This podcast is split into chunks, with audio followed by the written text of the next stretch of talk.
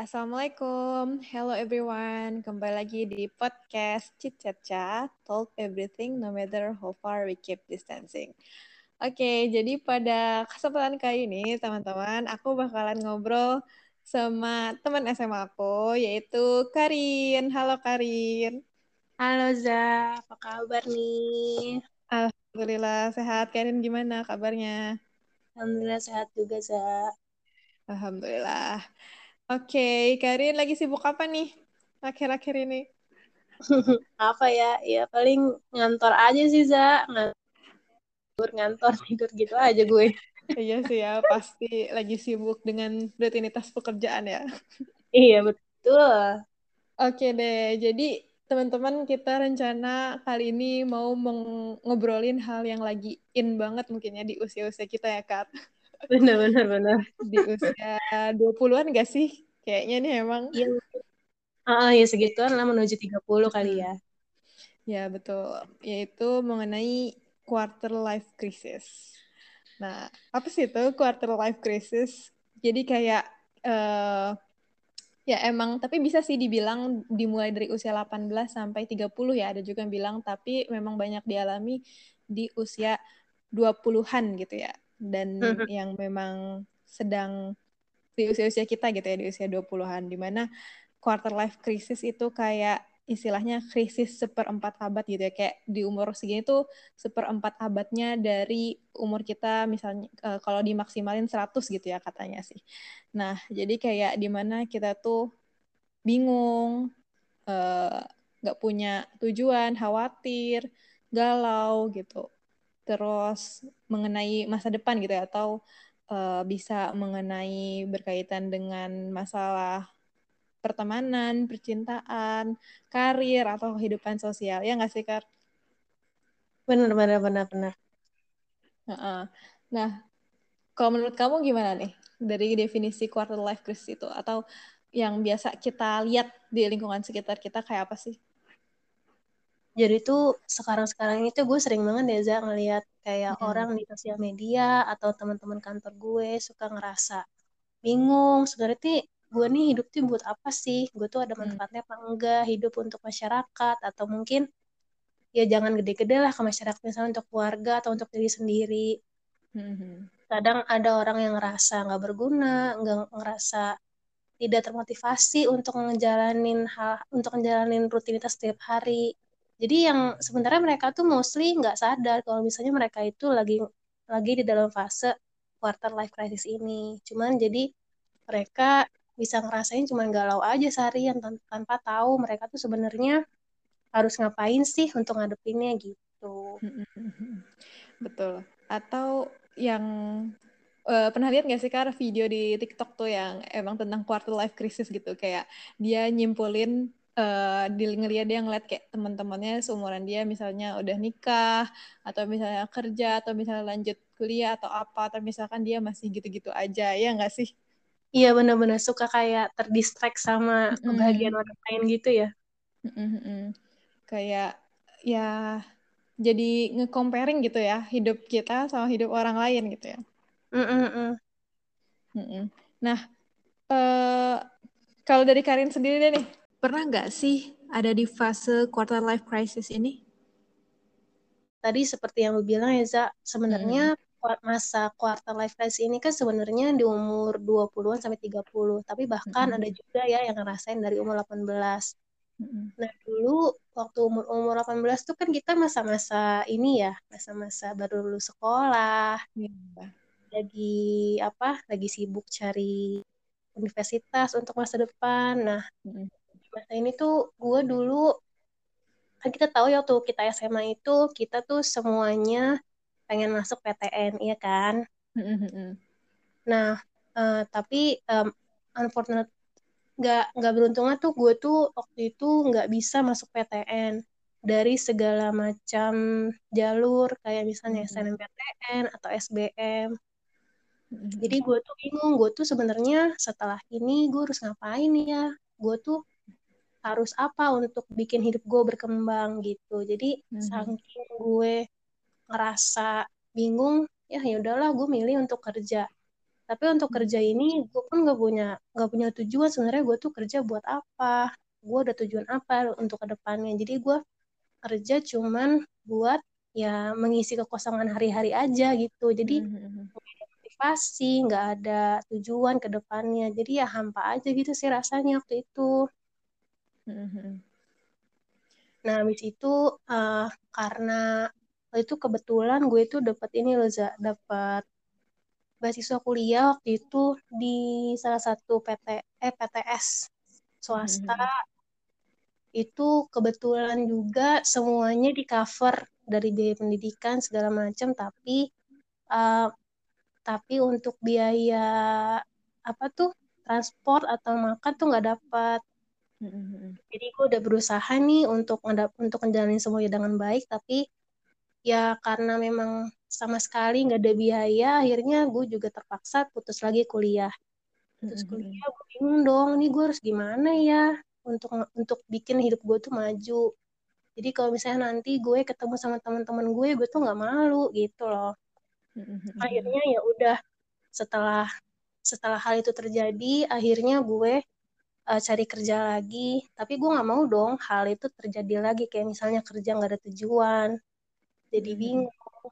Akhirnya gue kerja gue gue coba untuk cari tujuan. Gue tuh kerja buat apa sih? Akhirnya gue nemu Niza. Iya. gue tuh kerja ini untuk bikin hidup gue lebih baik lagi. Jadi untuk bikin hidup lebih baik ini maksud gue uh, gue harus kuliah lagi. Nanti setelah kuliah gue bisa cari kerja lagi cari kerja yang lebih Hmm, baik nanti setelah kerja yang lebih baik ini gue bisa dapetin apa yang gue mau misalnya penghidupan yang lebih baik penghidupan yang lebih baik ini hmm. bukan berarti semuanya tentang materi ya misalnya Iya, dengan betul. work life balance tentang apa keseimbangan kita antara istirahat kerja Hmm. quality time sama keluarga sama teman-teman gitu sih Za. jadi gue mulai ngerubah pandangan gue tentang kerja yang cuman buat dapetin uang tapi Hmm. sekarang gue udah tahu nih gimana caranya biar hidup gue ini nggak nggak hampa karena ada tujuannya gitu Hmm, jadi gue hmm. tuh nggak ngerasa gak berguna jadi gue ngerasa oh gue nih hidup hidup tuh ada artinya loh Iya, gitu betul, betul. Betul. Wih, mantap, mantap. Keren. Ya, jadi eh iya sih, Karin tuh waktu itu jadinya eh, pas kita lulus SMA sempat kerja berapa lama tuh, Kar? Jadinya? gue dulu kerja tiga bulan deh iya tiga bulan nah Oh, nanti itu gue resign tuh Mm-mm. Langsung ini ya akhirnya semester berikutnya langsung ambil kuliah kah? oh gue dulu abis resign itu kan gue Mm-mm. eh, cari kerja lagi kan nah Mhm. cari kerja baru dia dapat kuliah lagi gitu Hmm. Berarti emang eh, nggak lama langsung tiba-tiba alhamdulillah rezekinya langsung bisa kuliah lagi ya, Kar? iya alhamdulillah banget mungkin emang karena jalan dari Allah ya Iya, betul. Nah, itu sih sebenarnya eh apa ya yang yang mau dibahas di sini gitu ya. Kadang tuh kita suka membandingkan dengan standarisasi orang-orang nggak sih? Kayak misalnya lulus SMA harus kuliah, kuliah kerja, kerja nikah, punya anak dan sebagainya udah gitu ya.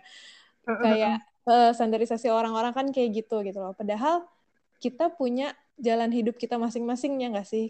nah Eh, betul eh, kita punya goals hidup kita masing-masing gitu. Nah, kayak yang Karin bilang tadi gitu kan.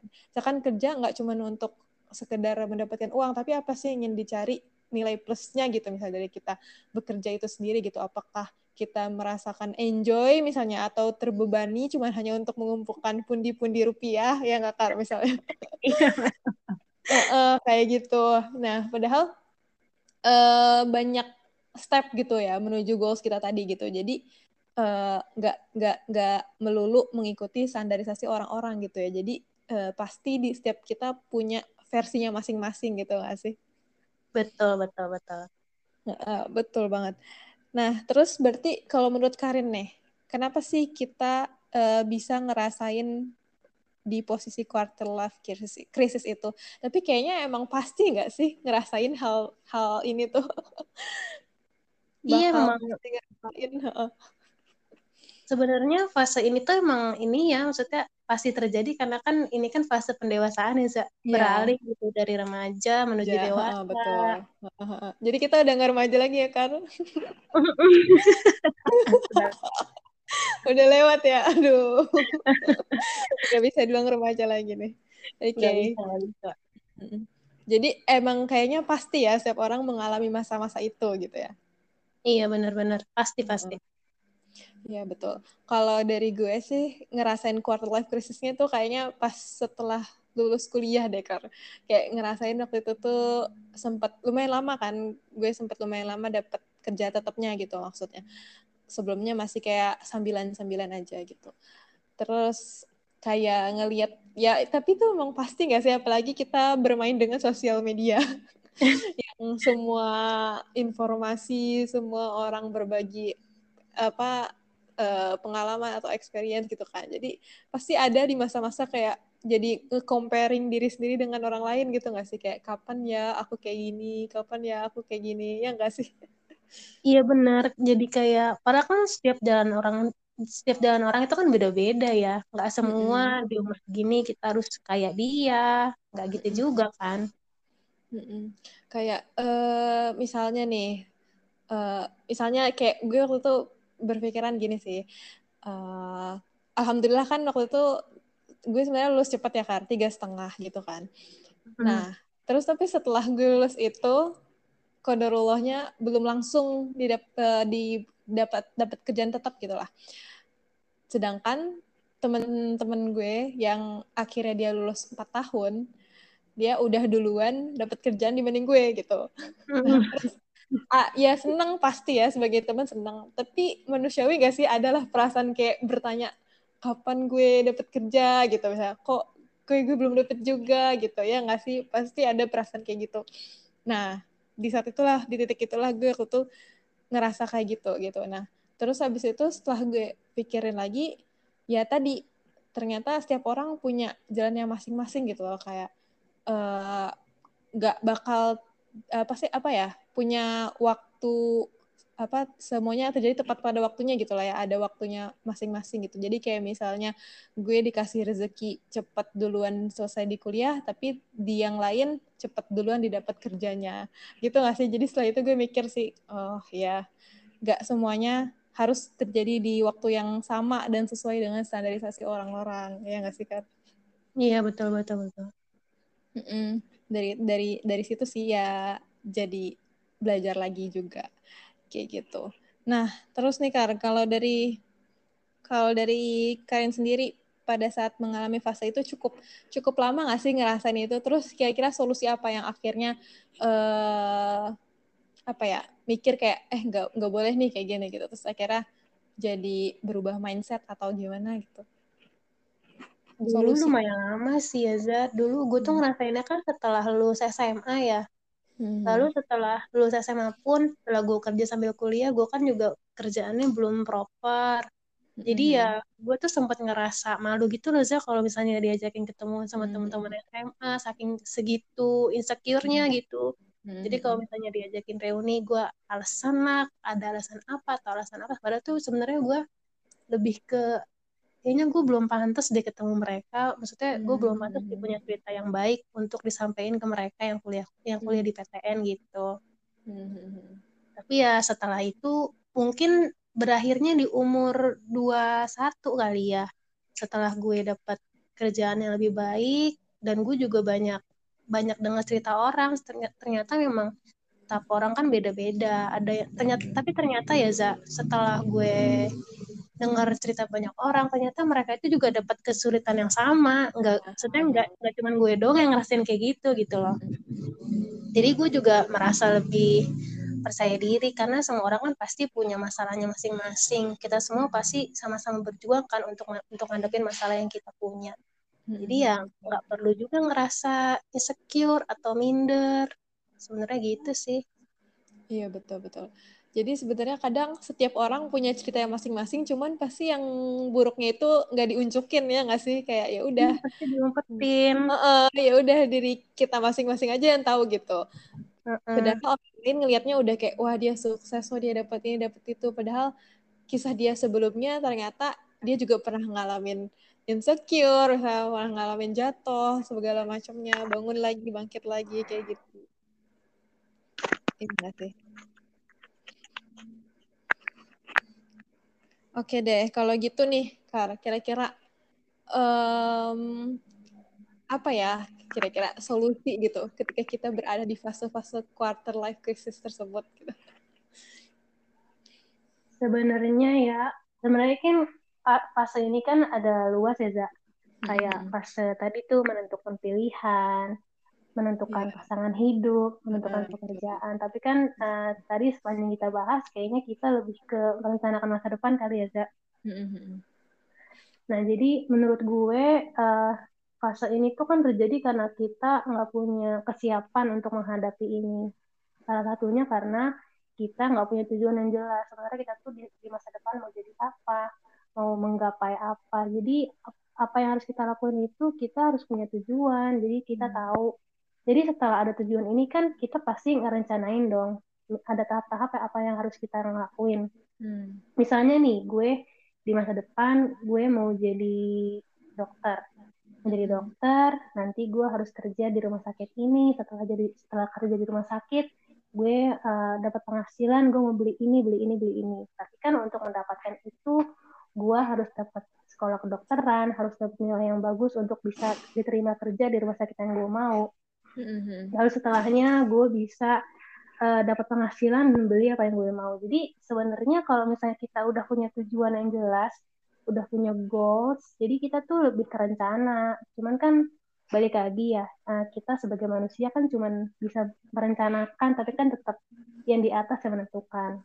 Iya betul. Tapi ya selama kita punya tujuan yang jelas paling enggak kita kan punya pegangan. Jadi kalau misalnya ada masalah yang bakal datang di masa depan yang yang bakal datang di masa yang akan datang paling enggak kita punya pegangan. Kita nggak kita nggak gampang putus asa. Jadi kita termotivasi gitu loh. Mm-hmm. gitu sih za. Betul betul. Oke jadi kalau yang bisa gue simpulin sih intinya dari pasti kurang lebih beberapa orang itu pasti ada di tahap-tahap ini gitu ya di quarter life crisis di mana dia ngerasa bingung, galau, terus Eh, ragu-ragu untuk melanjutkan kehidupannya, khawatir akan ketidakpastian, di ghosting sana sini misalnya. Terus ya. Terus mulai iri sama teman-teman seangkatan kayak gitu. Nah, tips dan triknya ya mungkin yang bisa gue simpulin adalah yang pertama stop comparing with others. Karena ya udah kehidupan yang kita jalanin sama orang lain beda gitu kan. Nah, terus tadi yang tentunya kita tentuin dulu goals kita apa gitu ya tujuan di hidup kita ini mau ngapain sih gitu. Apakah cuman emang buat makan tidur makan tidur repeat gitu ya? Kalau di tulisan baju ya kan makan tidur repeat. Ya kan nggak mungkin ada tujuannya gitu kan. Dan ketika kita punya tujuan tadi itulah yang memotivasi kita untuk hidup nggak sih terus kita buat list-list kita untuk meraih tujuan tersebut gitu jadi uh, misalnya kalau kesuksesan di satu orang untuk mendapatkan ranking satu di kelas misalnya. Tetapi bisa jadi kesuksesan menurut definisi kita ya nggak uh, nggak meraih itu gitu. Misalnya untuk juara di bidang kesenian misalnya seperti itu gitu ya. Jadi ya apa ya tentunya tujuan hidup kita mau kayak gimana dan ya udah stop nge-compare sama orang lain.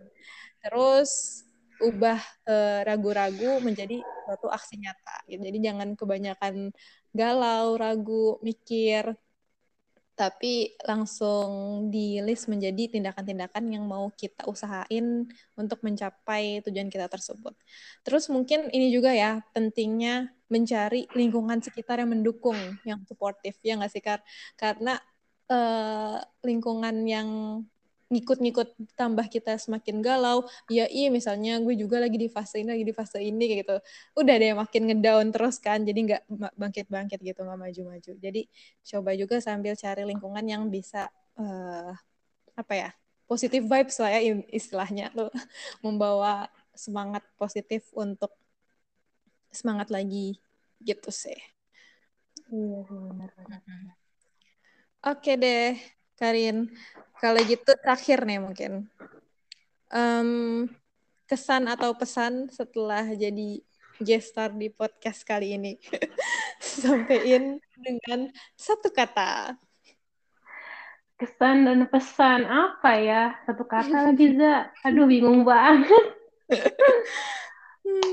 uh, apa ya? Boleh dua kata nggak sih? Oh, ya udah boleh, boleh, boleh. Lebih juga apa-apa deh. Keep going aja deh, Za. Semoga sukses. Iya, betul, betul, betul. Soalnya gue lihat kayaknya pembahasannya oke okay juga, Za. ya, semoga bermanfaat ya.